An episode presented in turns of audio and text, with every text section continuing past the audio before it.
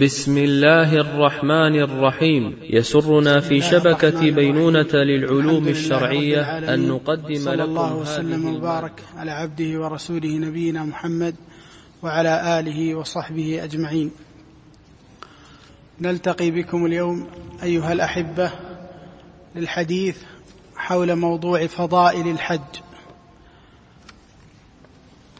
الله تبارك وتعالى خلقنا لعبادته سبحانه وتعالى. قال سبحانه وما خلقت الجن والإنس إلا ليعبدون.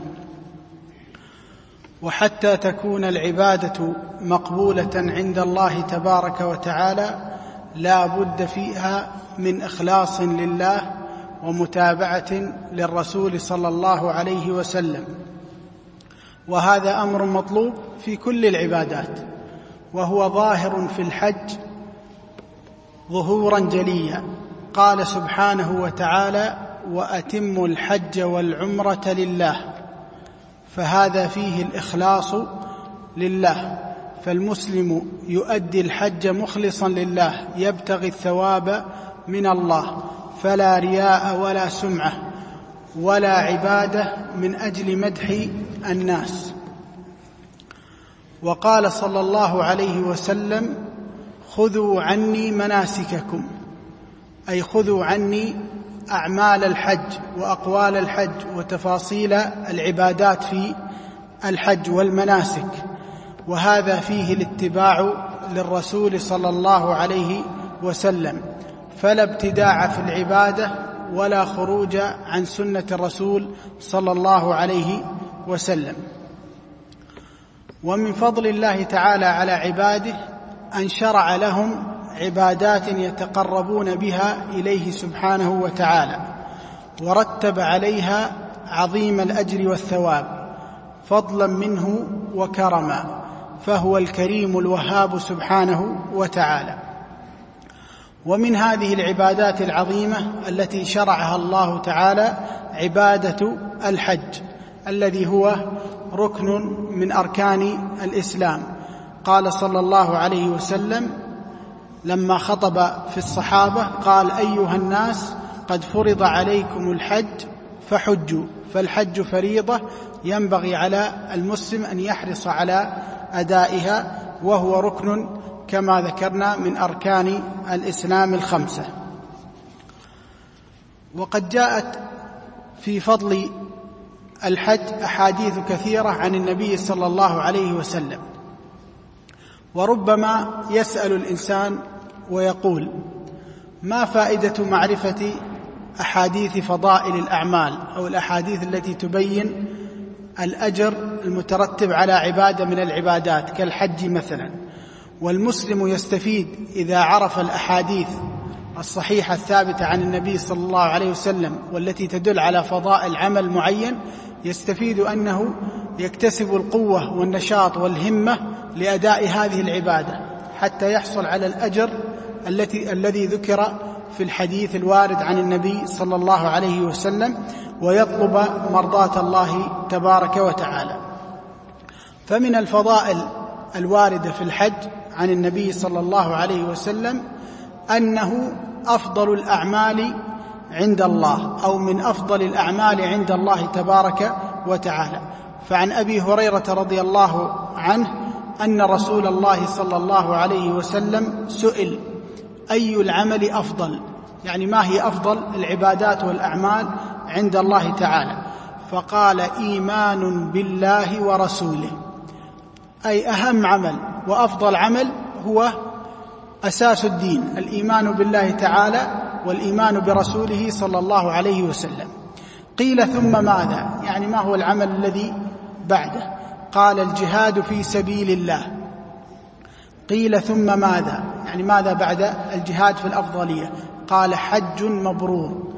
أي أن الحج المبرور الحج الذي يحرص فيه الإنسان على طاعة الله وأداء العبادات كما شرعها الرسول صلى الله عليه وسلم ويبتعد عن الإثم فيه هذا هو الحج المبرور الذي تكون منزلته عالية عند الله تعالى ويكون من أفضل الأعمال. ومن فضائل الحج أيضا أنه يمحو الذنوب ويكفر السيئات ويرفع المراتب والدرجات. فعن أبي هريرة رضي الله عنه قال سمعت النبي صلى الله عليه وسلم يقول من حج لله فلم يرفث ولم يفسق رجع كيوم ولدته أمه. وهذا كما قال الله تبارك وتعالى في كتابه الحج أشهر معلومات فمن فرض فيهن الحج فلا رفث ولا فسوق ولا جدال في الحج وما تفعلوا من خير يعلمه الله وتزودوا فإن خير الزاد التقوى واتقون يا أولي الألباب. فالمسلم إذا حج مخلصا لله وابتعد عما يبطل حجه كالرفث وقد فسره العلماء بالجماع ومقدماته وابتعد عما ينقص الأجر كالفسوق الذي هو المعاصي والذنوب. وابتعد عن الجدال بالباطل كان هذا الحج سببا لمغفرة الذنوب. رجع كيوم ولدته أمه أي لا ذنوب عليه. يعفو الله عز وجل عن ذنبه ويغفره له. من فضائل الحج أيضا أيها الإخوة أنه ينفي الفقر أي يبعد الفقر عن المسلم. كما جاء عن عبد الله بن مسعود رضي الله عنه قال قال رسول الله صلى الله عليه وسلم تابعوا بين الحج والعمرة فإنهما ينفيان الفقر والذنوب كما ينفي الكير خبث الحديد والذهب والفضة وليس للحجة المبرورة ثواب إلا الجنة. هنا يأمرنا النبي صلى الله عليه وسلم بالمتابعة بين الحج والعمرة أي عدم الانقطاع بحيث أن الإنسان مثلا يحج هذه السنة ثم بعد سنتين أو ثلاث يحج مرة أخرى. لا يمكث فترة طويلة سنين طويلة وهو لا يحج أو يمكث سنوات طويلة وهو لا يعتمر. لا يجعل نفسه دائما يتردد بين الحج والعمرة. ما فائدة هذه المتابعة؟ تنفي الفقر وتنفي الذنوب. تخلص المسلم من الفقر وتكسبه الغنى وتكسبه اليسر في حياته فيعبد الله عز وجل وهو مرتاح البال غير منشغل بأمر الفقر وشدة ضيق الحال في هذه الدنيا. ومن فضائل الحج أنه إذا كان مبرورا فليس له ثواب إلا الجنة كما قال النبي صلى الله عليه وسلم العمرة إلى العمرة كفارة لما بينهما والحج المبرور ليس له جزاء إلا الجنة. وعن جابر بن عبد الله رضي الله عنهما قال قال رسول الله صلى الله عليه وسلم الحج المبرور ليس له جزاء إلا الجنة. قالوا يا نبي الله ما الحج المبرور؟ أي هناك حج ينطلق ينطبق عليه أنه حج مبرور حج مقبول صالح كامل وهناك حج غير مبرور. فقالوا يا نبي الله ما الحج المبرور؟ قال إطعام الطعام وطيب الكلام.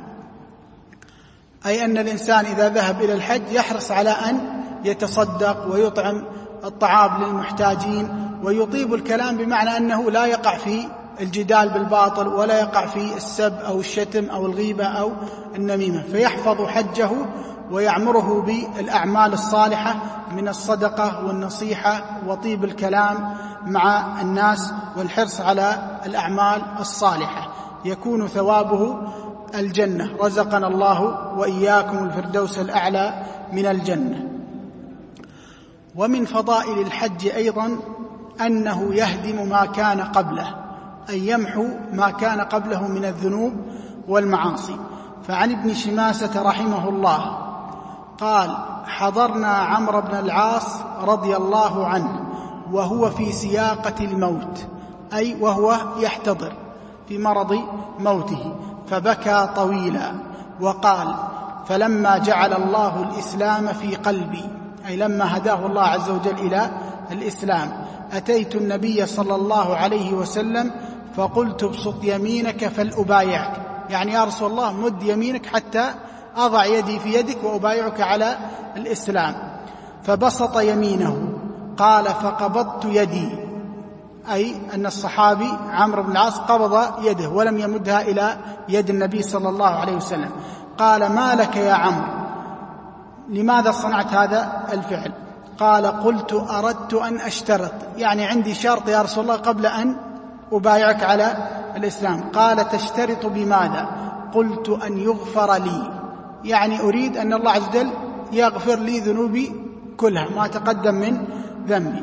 قال أما علمت أن الإسلام يهدم ما كان قبله وأن الهجرة تهدم ما كان قبلها وأن الحج يهدم ما كان قبله. وهنا محل الشاهد أن من حج لله عز وجل حجا مبرورا حجا صحيحا فإنه يهدم ما كان قبله من الذنوب والمعاصي. ومن فضائل الحج أيضا أنه جهاد الصغير والكبير والمرأة والضعيف ومن لا يقوى على الجهاد بل هو أفضل الجهاد للمرأة. فعن عائشة أم المؤمنين رضي الله عنها أنها قالت يا رسول الله نرى الجهاد أفضل العمل أفلا نجاهد؟ قال لا لكن أفضل الجهاد حج مبرور. وقال صلى الله عليه وسلم عن النساء عليهن جهاد لا قتال فيه الحج والعمرة. وقال صلى الله عليه وسلم جهاد الكبير والضعيف والمرأة الحج والعمرة. فالكبير في السن والضعيف يرغب في مثلا الجهاد في سبيل الله عز وجل فإن الله عز وجل فتحوا له بابا من الأجر يعادل الجهاد وهو الحج والعمرة. ومن فضائل الحج أيضا أن الحجاج والعمار أي من يقدم لأداء الحج أو العمرة هم وفد الله تبارك وتعالى. ضيوف الله تبارك وتعالى. فعن ابن عمر رضي الله عنهما عن رسول الله صلى الله عليه وسلم قال الغازي في سبيل الله والحاج والمعتمر. الغازي هو المجاهد في سبيل الله. والحاج والمعتمر وفد الله. دعاهم فأجابوه. دعاهم الله عز وجل لأداء الحج وأداء العمرة فأجابوا هذا الدعاء وسألوه فأعطاهم. كأن الله عز وجل ضمن لهم إجابة الدعاء وتحقيق مطالبهم. فضائل الحج لا تقتصر على أداء المناسك في مكة فقط بل من فضائل الحج والعمرة أن من خرج حاجا أو معتمرا فمات في طريقه كتب له أجر الحاج والمعتمر إلى يوم القيامة. فعن أبي هريرة رضي الله عنه قال قال رسول الله صلى الله عليه وسلم من خرج حاجا فمات كتب له أجر الحاج إلى يوم القيامة. ومن خرج معتمرا فمات كتب له أجر المعتمر إلى يوم القيامة. فالأجر له منذ أن يخرج من بيته قاصدا أداء هذه الفريضة. وفي الصحيحين عن ابن عباس رضي الله عنهما قال بينما رجل واقف بعرفة إذ وقع عن راحلته فوقصته أو قال فأوقصته يعني مات بسبب سقوطه عن هذه الناقة وهو في عرفة. إلى الآن ما زال واقفا في عرفة لم ينتهي من باقي المناسك. قال النبي صلى الله عليه وسلم اغسلوه بماء وسدر وكفنوه في ثوبين ولا تحنطوه ولا تخمروا رأسه أي لا تغطوا رأسه لأن من محظورات الإحرام تغطية الرأس بالنسبة للرجل. ولا تخمروا رأسه فإنه يبعث يوم القيامة ملبيا أي يلبي بتلبية الحج بمعنى أنه باق على إحرامه وله الأجر العظيم عند الله تبارك وتعالى. من الأحاديث العظيمة في بيان فضائل أعمال الحج. نحن ذكرنا الآن بعض الأحاديث التي تدل على فضل الحج اجمالا. هناك حديث جاء عن النبي صلى الله عليه وسلم فيه بيان أجر تفاصيل لأعمال الحج. فعن ابن عمر رضي الله عنهما قال كنت جالسا مع النبي صلى الله عليه وسلم في مسجد منى. فأتاه رجل من الأنصار ورجل من ثقيف فسلما ثم قال يا رسول الله جئنا نسألك. يعني عندنا بعض الأسئلة نريد أن نطرحها عليك. فقال صلى الله عليه وسلم إن شئتما أخبرتكما بما جئتما تسألاني عنه فعلت. يعني إذا أردتم أن أخبركم بما تريدون من أسئلة قبل أن تتكلموا فعلت. وإن شئتما أن أمسك وتسألاني فعلت. إذا أردتم أن كل واحد يقول ما عنده بدون أن أخبركم قبل ذلك أفعل. فقال أخبرنا يا رسول الله. يعني تكلم بما نريد أن نسألك قبل أن نقوله. فقال الثقفي للأنصاري سل يعني اسأل النبي صلى الله عليه وسلم. فقال أخبرني يا رسول الله. فقال صلى الله عليه وسلم جئتني تسألني عن مخرجك من بيتك تأم البيت الحرام وما لك فيه. يعني أنت جئت تسأل عن أمور وهي الأمر الأول تسألني عن خروجك من منزلك قاصدا البيت الحرام ما لك فيه من الأجر. وعن ركعتيك بعد الطواف وما لك فيهما. وعن طوافك بين الصفا والمروة وما لك فيه. وعن وقوفك عشية عرفة وما لك فيه. وعن رميك الجمار وما لك فيه وعن نحرك وما لك فيه مع الإفاضة. فقال الصحابي والذي بعثك بالحق لعن هذا جئت أسألك. يعني هذه هي الأسئلة التي كانت في ذهني يا رسول الله. وهذا دليل على صدق نبوة الرسول صلى الله عليه وسلم وأنه يوحى إليه من الله تبارك وتعالى. الآن سيجيبه النبي صلى الله عليه وسلم على هذه الأسئلة لأنه سأل ما هي الأجور وما هو الثواب على هذه الأعمال التي هي مناسك الحج؟ قال فإنك إذا خرجت من بيتك تأم البيت الحرام لا تضع ناقتك خفا ولا ترفعه إلا كتب الله لك به حسنة ومحى عنك خطيئة. هذا وأنت في الطريق لأداء الحج. وأما ركعتاك بعد الطواف كعتق رقبة من بني إسماعيل عليه السلام أي كعتق رقبة من أنفس الرقاب عند الله تبارك وتعالى. وأما طوافك بالصفا والمروة كعتق سبعين رقبة هذا الطواف بالصفا والمروة له أجر كأنه أعتق سبعين رقبة. وأما وقوفك عشية عرفة أي الوقوف بعرفة.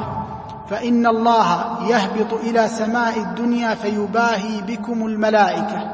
يقول أي الله عز وجل يقول للملائكة عبادي جاءوني شعثا من كل فج عميق.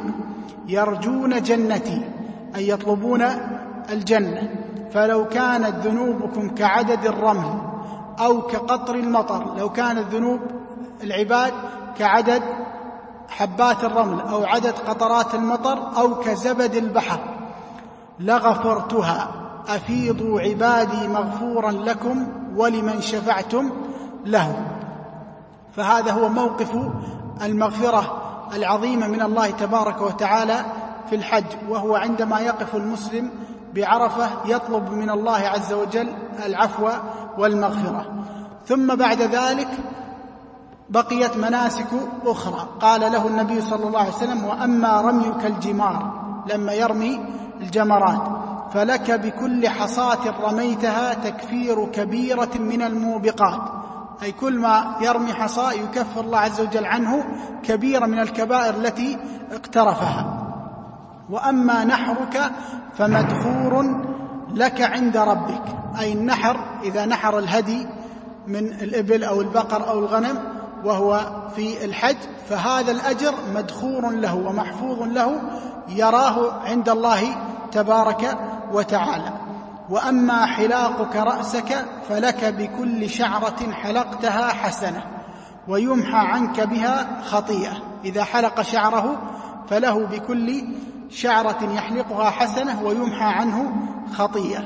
وأما طوافك بالبيت بعد ذلك فإنك تطوف ولا ذنب لك. إذا طاف طواف الإفاضة. قال فإنك تطوف ولا ذنب لك. يأتي ملك حتى يضع يديه بين كتفيك فيقول اعمل فيما تستقبل أي في قابل الأيام. فقد غفر لك ما مضى. هذا الحديث بين فيه النبي صلى الله عليه وسلم فضائل أعمال المناسك.